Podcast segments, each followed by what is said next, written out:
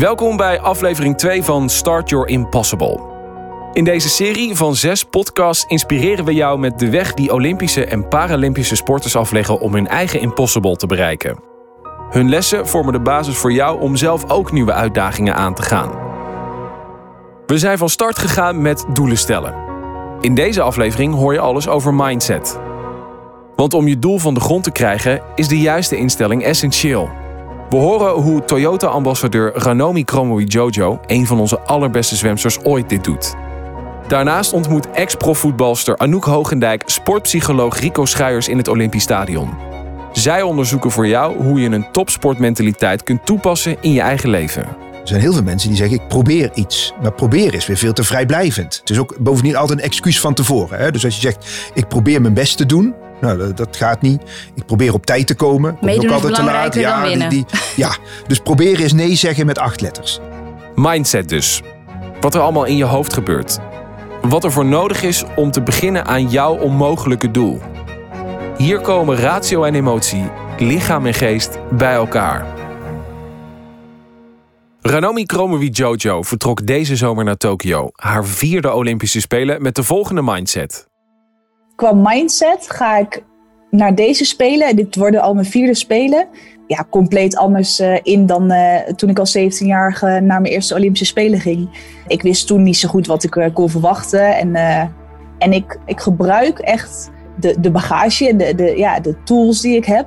Dat ik gewoon weet van hey, ik heb gewoon heel veel ervaring. Ehm, ervaring om in de finale te staan en, en daar een performance neer te zetten.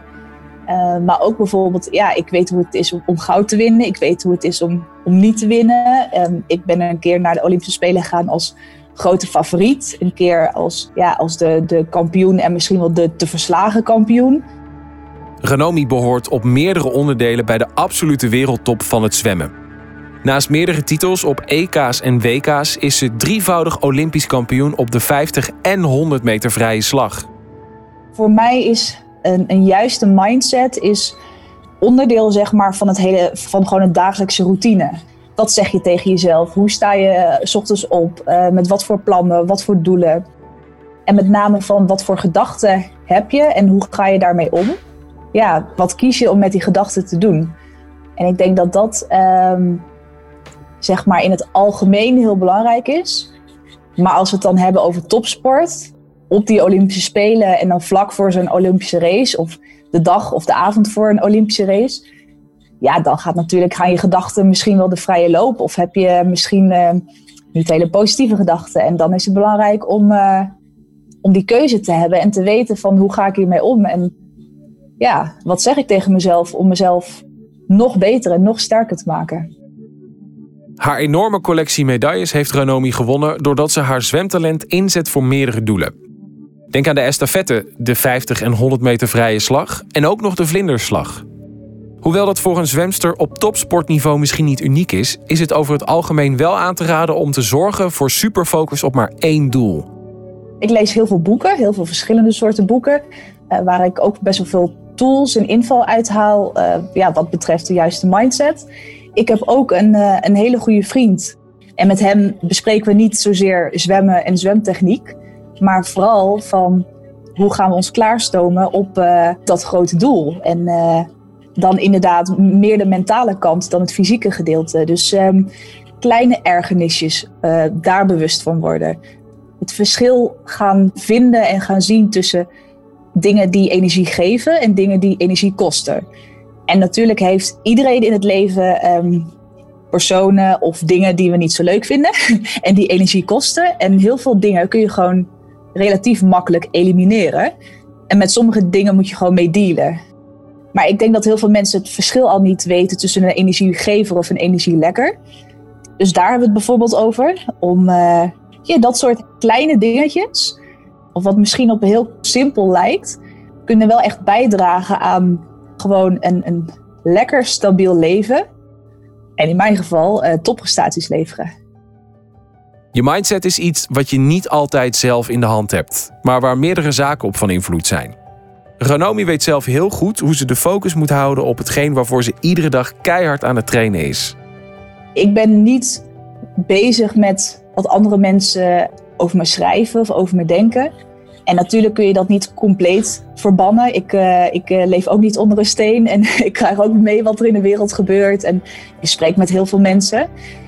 Ik denk dat als je heel goed bent voorbereid en jezelf hebt getraind, eh, zowel fysiek als mentaal, en voorbereid bent op wat je kunt verwachten, binnen waar je invloed op hebt natuurlijk, ja, dan hoef je alleen nog maar eigenlijk heel hard te zwemmen op die race. En that's it.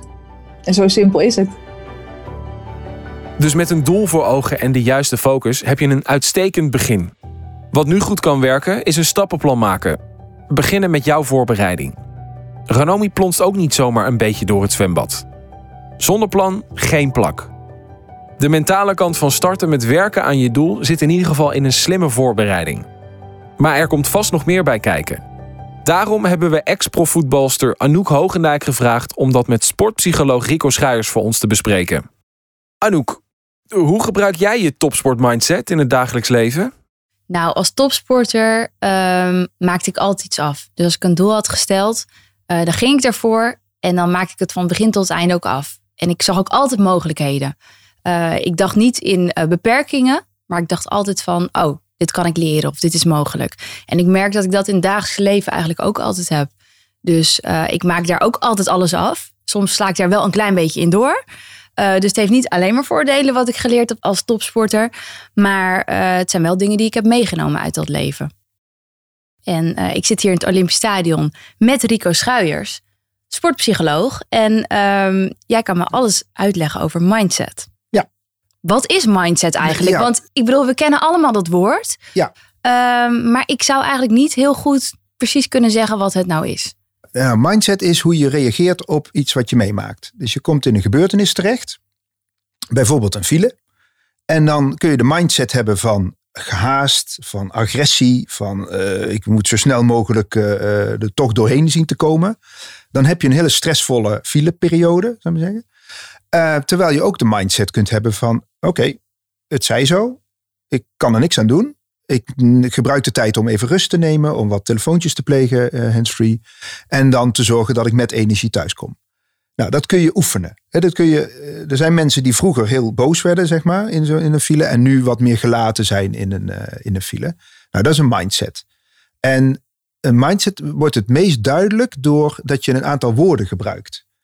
En als ik met, met, met sporters, maar niet alleen met sporters, maar ook met andere mensen werk, dan gebruik ik eigenlijk drie werkwoorden heel veel. En die gaan we dan veranderen. Dus ik zal okay. kort en krachtig vertellen. Um, een van de woorden die heel veel wordt gebruikt is het woordje moeten. Dus de mindset van ik moet, ik moet, ik moet, ik moet. Nou, daar zit altijd druk en dwang bij. Dat is niet, dat is niet fijn. Een andere mindset is, een andere uiting daarvan, is dat je juist denkt, ja, maar ik moet niks. Ik ga het gewoon proberen. Er zijn heel veel mensen die zeggen, ik probeer iets. Maar proberen is weer veel te vrijblijvend. Dat maakt niet uit. Het is ook bovendien altijd een excuus van tevoren. Dus als je zegt, ik probeer mijn best te doen. Nou, dat gaat niet. Ik probeer op tijd te komen. Komt ook altijd te laat. Ja, die, die, ja, dus proberen is nee zeggen met acht letters. Zeg ik altijd. Dus dat is een beetje die. En dan heb je ook nog het woordje als. En als is als ik maar niet val. Als ik maar niet faal. Als ik maar ja. niet te laat kom. Als ik maar niet. Die als. Daar zit angst bij en twijfel. En nou, met, met de penalties nemen met voetbal. Als ik maar niet mis. Nou, dat zie je al in de aanloop. Zie je dat uh, terugkomen.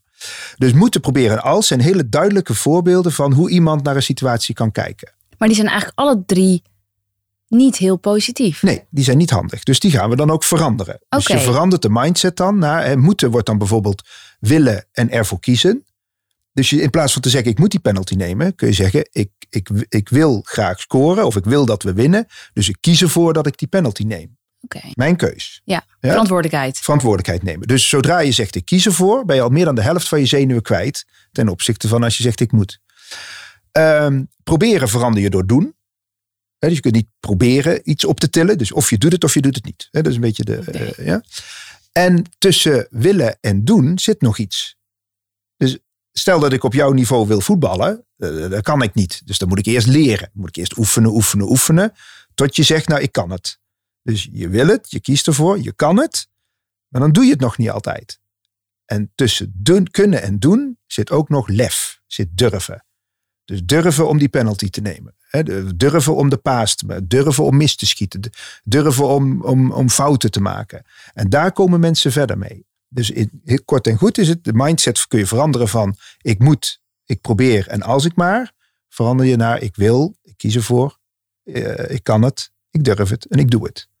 En, de, en lef staat daar dan weer los van? Nee, lef zit in durven. oh, dat zit in durven. Dat zit in durven, ja, ja. Maar als je nou iemand bent die niet zo heel veel lef heeft?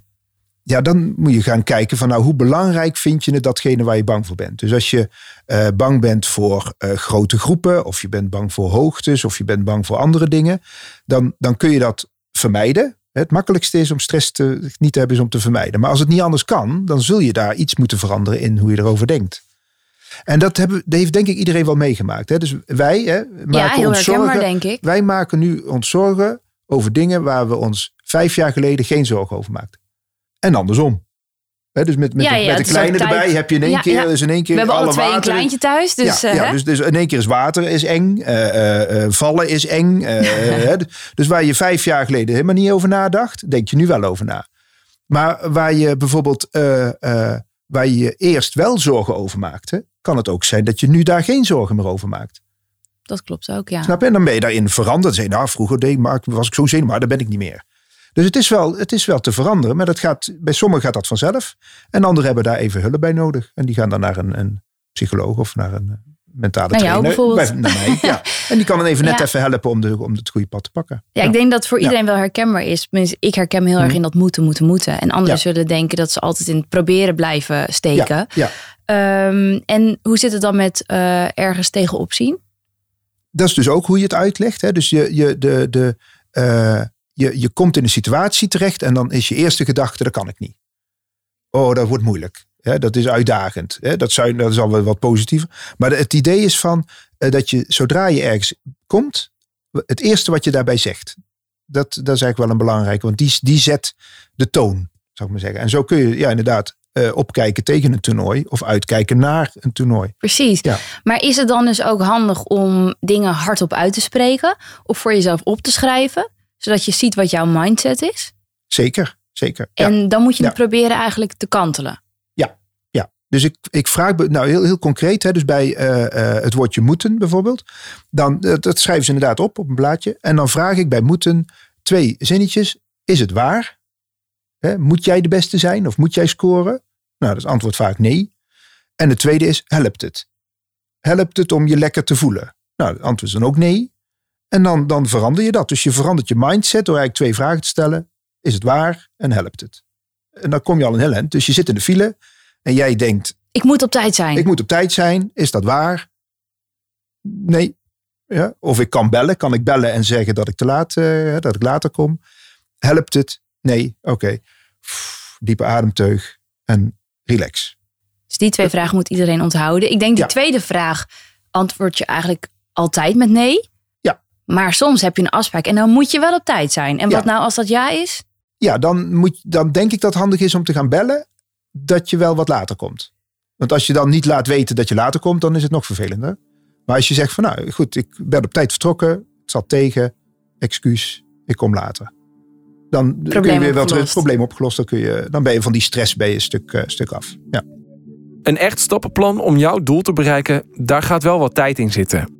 We hopen dan ook dat je vandaag genoeg hebt gehoord om zelf aan de slag te gaan. Start your impossible, zoals we dat bij Toyota zeggen. Om het je gemakkelijker te maken, volgen nu de belangrijkste inzichten van vandaag. Maak bewust de keuze tussen mensen en dingen die je energie geven of energie kosten.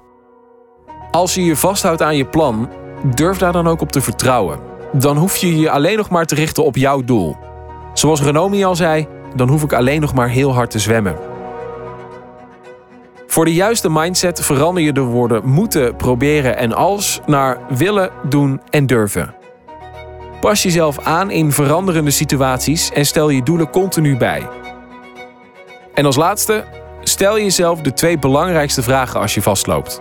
Is het waar en helpt het? De volgende keer gaan we het hebben over toewijding. Hoe houd je het vol en hoe houd je het leuk?